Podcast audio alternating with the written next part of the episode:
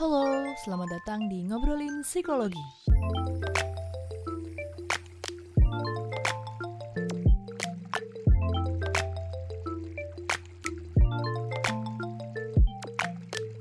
Halo teman-teman, berjumpa lagi di episode 3 kali ini Kita akan lebih sharing tentang gimana sih caranya untuk nerapin mindfulness sendiri Kan tadi di episode yang pertama lebih ke kayak fakta-faktanya Yang episode kedua lebih ke pengalaman pribadi Mbak Sasa Nah, sekarang kita akan tahu tentang caranya uh, mempraktikkan mindfulness sendiri Jadi Oke. untuk tips and trick ya Mbak Mm-mm. Sasa Iya, jadi ada beberapa tips and trick yang mungkin nanti bisa teman-teman praktekkan ke diri sendiri dan kuncinya adalah lebih mindful ketika melakukannya. Dalam artian gini, kenali apakah cara ini efektif untuk diri sendiri atau enggak. Kalau efektif lakukan, ulangi. Kalau enggak berarti coba alternatif yang lain. Karena tiap orang itu beda-beda. Mm-mm. Gitu. Jadi harus kenal dirinya sendiri juga. Itu. Biasanya pertama yang disiapkan tentunya adalah tempat yang nyaman untuk berlatih mindfulness gitu. Nah, bagi teman-teman yang merasa lebih bisa hening atau merasa lebih tenang kalau di tempat yang sepi, pastikan ketika berlatih di lingkungan yang lebih hening atau lebih sepi. Jangan di tempat yang rame gitu. Atau bagi yang nyaman dengan melakukan sambil beraktivitas, nggak apa-apa, boleh lakukan sambil melakukan aktivitas itu. Gitu. Jadi dia cari tempat atau aktivitas yang paling nyaman untuk melakukan latihan mindfulness gitu kenali juga ada juga teman-teman yang nyaman ketika berlatih mindfulness ini eh, ketika ruangannya lebih gelap gitu ya. Tapi ada juga yang nyaman kalau ada cahaya. Nah itu. Ada juga yang lebih tenang atau kebantu banget kalau ada aromaterapi atau ada wewangian yang bikin relax bisa pakai itu untuk ngebantu. Tapi kalau enggak juga nggak apa-apa dan beberapa teman-teman juga biasanya ada yang merasa lebih tenang kalau dibantu dengan musik instrumental atau musik yang suaranya menenangkan. Nah, bisa pakai musik juga untuk ngebantu. Atau kalau nggak suka dengan musik, kan ada juga yang pakai musik malah nggak tenang. Boleh pakai suara hening aja tanpa musik. Itu. Kemudian kalau nyaman melakukannya dengan duduk, nah pastikan posisi duduknya juga nyaman.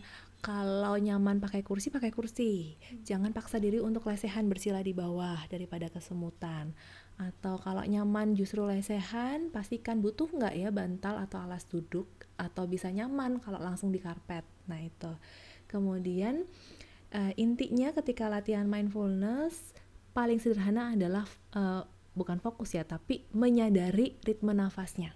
Gitu. Jadi menyadari aja saat bernafas itu udara yang dihirup tuh rasa masuknya itu gimana, hawanya gimana, alirannya tuh gimana.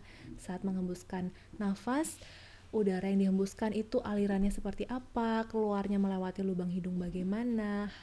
Itu uh, yang jadi uh, jangkar atau jadi alat bantu kita untuk lebih aware, lebih sadar dengan kondisi diri kita kalau kita tuh lagi di sini di tempat ini di, di saat ini gitu. Kemudian bagi teman-teman yang nyaman melakukan dengan memejamkan mata, boleh pejamkan matanya kalau merasa dengan memejamkan mata itu lebih tenang. Nggak banyak distraksi yang tertangkap atau masuk ke panca indera lewat indera penglihatan. Tapi ada juga yang nyaman dengan membuka mata.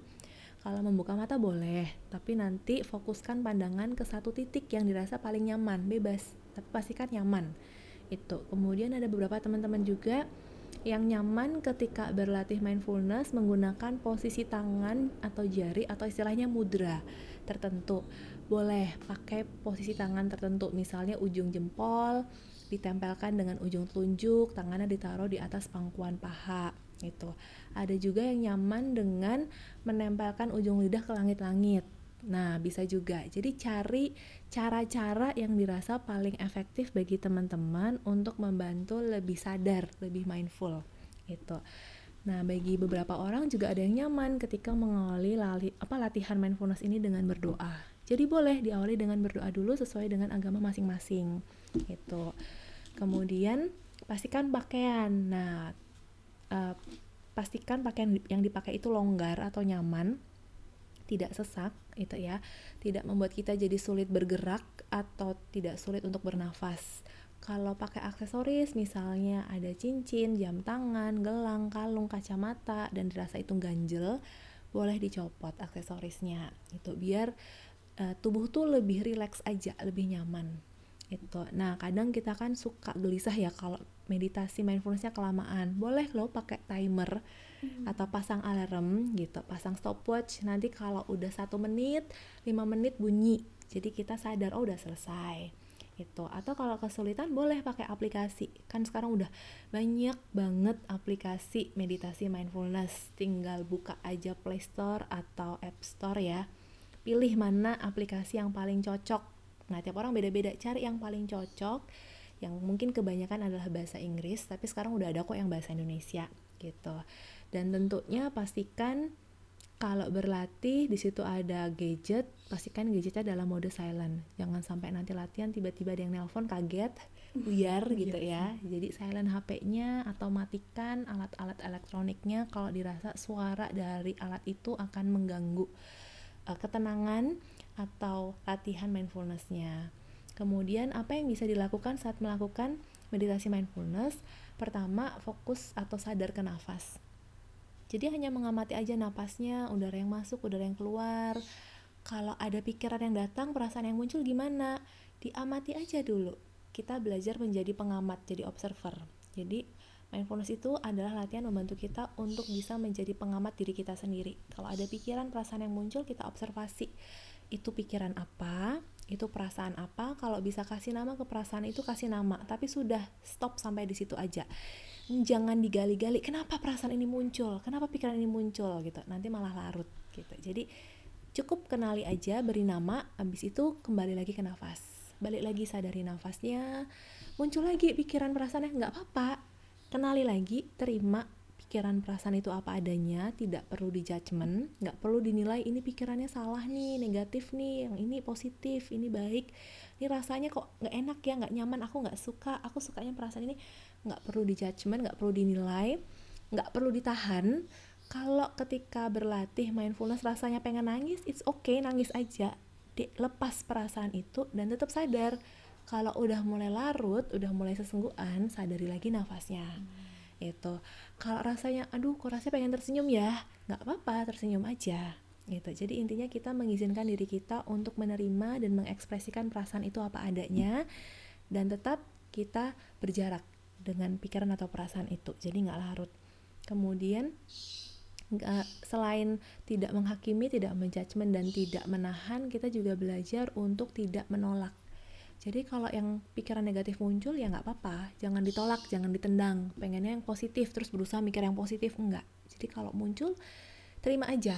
Kalau bahasa gampangnya kalau istilahnya dari Rumi ya Rumi membahasakan pikiran perasaan itu tuh seperti tamu yang datang yang main ke rumah dan kita adalah rumahnya. Jadi anggaplah apa pun yang muncul dalam latihan mindfulness itu adalah tamu yang lagi bertamu aja ke dalam rumah kita. Toh yang namanya tamu, cepat atau lambat, pasti mereka juga akan pergi pamit, datang tamu yang lain. Jadi dalam mindfulness itu di samping kita menyadari pengalaman kita di sini saat ini, apa yang terjadi pada pikiran, perasaan, sensasi tubuh, kecenderungan perilaku, atau apa yang ditangkap panca indera, kita juga belajar untuk menerima apa pun tamu yang datang dan juga belajar melepaskan apa pun tamu yang hadir juga, tamu yang akan pergi. Karena kan kita punya kecenderungan kalau tamu itu menyenangkan, biasanya kita ingin tamu itu lama-lama di rumah kita gitu ya Padahal yang namanya emosi positif atau pikiran yang positif itu tuh tamu, cepat atau lambat akan berganti juga loh dengan pikiran atau emosi yang kalau kita label itu negatif. Nah, sering kali kalau yang datang negatif, kita sukanya menutup pintu rapat-rapat, mengusir mereka, padahal yang namanya tamu kan perlu diterima. Nah, jadi latihan mindfulness ini sebenarnya melatih kita untuk belajar jadi tuan rumah yang baik, yang ramah, siapa pun yang hadir diterima dengan penuh keterbukaan dan siapa pun yang pamit kita belajar untuk ikhlas melepaskan karena semuanya dalam latihan mindfulness kita belajar nggak ada yang tetap nggak ada yang abadi semua itu hanya sementara datang dan pergi silih berganti gitu itu sih tips and triknya oke okay. um, terus tadi mbak Sasa bilang ada tanpa penghakiman gitu mm -hmm. terus misalnya kalau misalnya ada emosi atau pikiran yang datang gitu Mhm. Apakah kita harus melabelkan dan Mhm. apakah pelabelan itu adalah suatu judgement gitu Mhm. Kita tidak memberi label ya, eh, label bukan yang ini emosi negatif, ini emosi positif enggak, bukan itu, tapi kita lebih kepada memberi dia nama. Ini bukan emosi negatif, ini bukan emosi positif, tapi ini namanya marah. Oh, ini marah. Ini ada rasa kecewa, ini ada rasa sedih nih di dalam diriku, ada rasa iri. Sudah hanya sebatas memberi nama saja. Tidak menjudge bahwa marah ini negatif enggak, tidak menjudge bahwa tenang ini positif enggak, tapi hanya oke, ini ada rasa marah, rasa sedih, rasa lega, sudah berhenti di situ. Termasuk pikiran. Em, oh, aku lagi mikir jemuran di rumah. Oke, sudah jangan mikir negatif nanti kalau hujan gimana ya gitu. Enggak tapi sadar aja lagi mikir apa. Oh aku lagi mikir masih ada tugas nih yang belum selesai. Aku lagi mikir nanti siang makan di mana ya. Gitu sadari aja itu tapi kemudian balik lagi ke nafas. Gitu cukup menyadari mengenali kasih nama itu pikiran apa itu rasanya apa. Karena sering kali kita tuh nggak aware nggak sadar lagi punya pikiran atau perasaan apa. Kalau nggak sadar kita kan nggak bisa mengelola padahal untuk mengelola kan kita harus sadar dan kenal dulu itu apa gitu. Oke. Tadi sebenarnya mindfulness sendiri tuh berarti nggak bisa berdiri sendiri gitu ya mbak? Atau kan ada tadi self compassion. Mhm. dan itu kayak terintegrasi saling kayak Mhm. agak susah dipisahkan gitu. Iya, em, karena dalam latihan mindfulness sendiri sebenarnya ada sembilan sikap yang itu perlu kita latihkan dan itu juga nanti akan bertumbuh seiring kita berlatih. Gitu. Sikapnya apa aja? Jadi pertama kebaruan. Jadi dalam mindfulness kita belajar untuk melihat bahwa segala sesuatu yang terjadi pada diri kita itu adalah hal yang baru em, sama-sama nih pernah makan sate gitu ya. Kemarin makan sate sekarang makan sate. Tapi sering kali kita masih pakai pengalaman sebelumnya sehingga kita jadi nggak bisa menikmati momen makan sate yang sekarang. Padahal mungkin bisa jadi yang masak beda racikannya beda. Tapi di pikiran kita rasanya sate gitu-gitu aja. Nah itu jadi mindfulness mengajarkan kita untuk seolah-olah ketika kita mengalami sesuatu itu adalah hal yang baru pertama kali kita alami. Jadi kebaruan dengan kita pakai sudut pandang kebaruan atau bahasa saya tuh paling gampang gelas kosong. Nah, kalau kita jadi gelas kosong tentu banyak informasi yang itu bisa kita terima karena nggak ada proses filtering dulu. Nah, itu.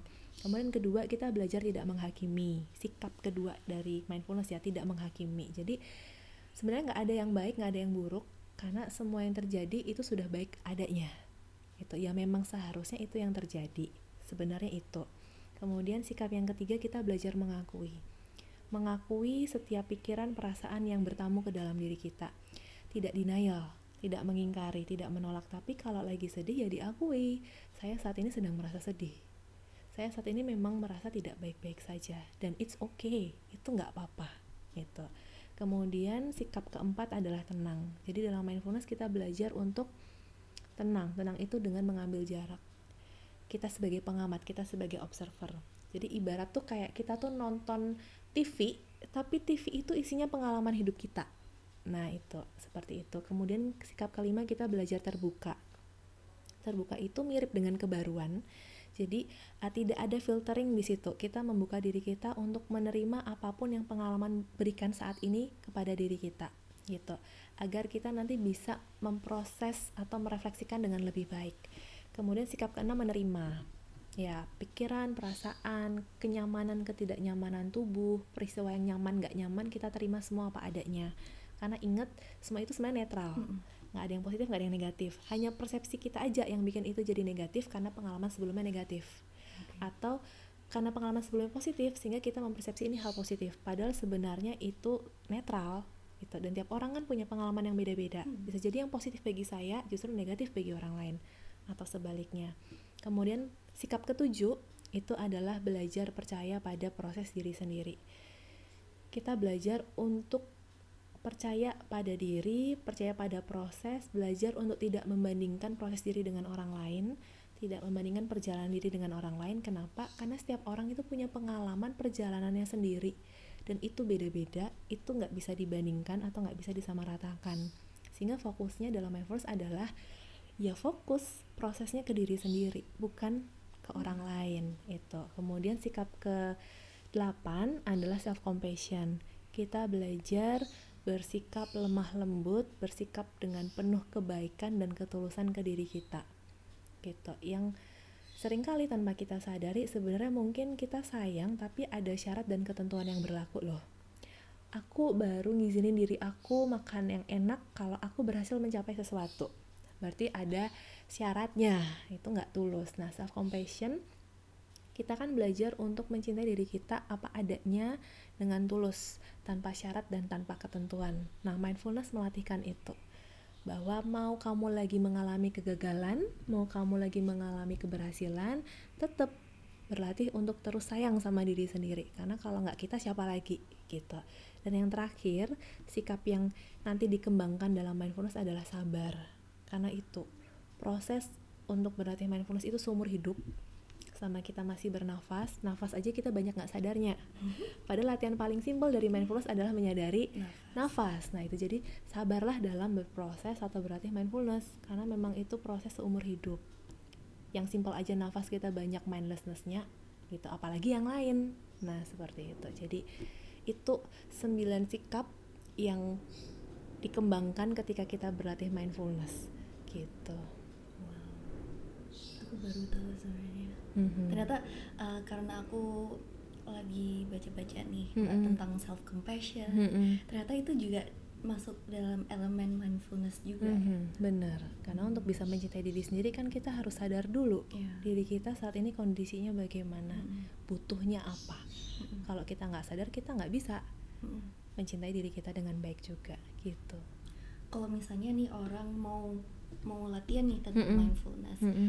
apa sih kira-kiranya tantangan yang akan dihadapi mm -hmm. gitu setiap orang pasti punya tantangan yang beda-beda ya bisa jadi tantangannya adalah ketika lagi mau berlatih moodnya udah ada nih tapi tempatnya nggak mendukung mm. gitu atau lagi udah dapat tempat yang nyaman eh tahu-tahu di kamar ada yang ngetok nah itu atau misalnya uh, udah mau pakai aplikasi eh tahu-tahu baterainya apa baterainya sekarat gitu. Atau sebenarnya tantangannya macam-macam. Yang tiap orang itu beda-beda. Yang bisa jadi sumber tantangannya itu eksternal dari luar dari lingkungan gitu ya. Uh, dari hal-hal yang nggak bisa kita kontrol sebenarnya. Atau tantangannya itu justru internal dari dalam diri kita sendiri. Mindfulness itu kan butuh disiplin. Hmm. nah kalau kita malas-malasan tentu susah jalannya hmm. gitu. Atau um, butuh komitmen Nah, kalau kita latihannya aja di saat mood, tentu juga susah. Padahal kan kita harus komit nih setiap hari kalau bisa atau setiap kali latihan paling nggak satu menit aja deh gitu. Tapi bagi kita satu menit itu terlalu lama. Nah itu jadi tantangan itu tiap orang beda-beda. Bisa jadi sumbernya eksternal di luar diri, bisa jadi sumbernya eksternal di dalam diri. Dan internal. eh sorry internal ya, hmm. internal di dalam diri gitu. Sehingga kita yang memang harus lebih aware yang paling mengganggu itu tantangan yang eksternal atau internal. Kalau eksternal, kemudian fokus kita adalah apa yang bisa saya lakukan ya untuk meminimalisir biar kalau nanti saya latihan, ibu nggak gedor-gedor pintu saya. Entah apakah pasang tulisan jangan diganggu lagi belajar misalnya atau apa gitu ya.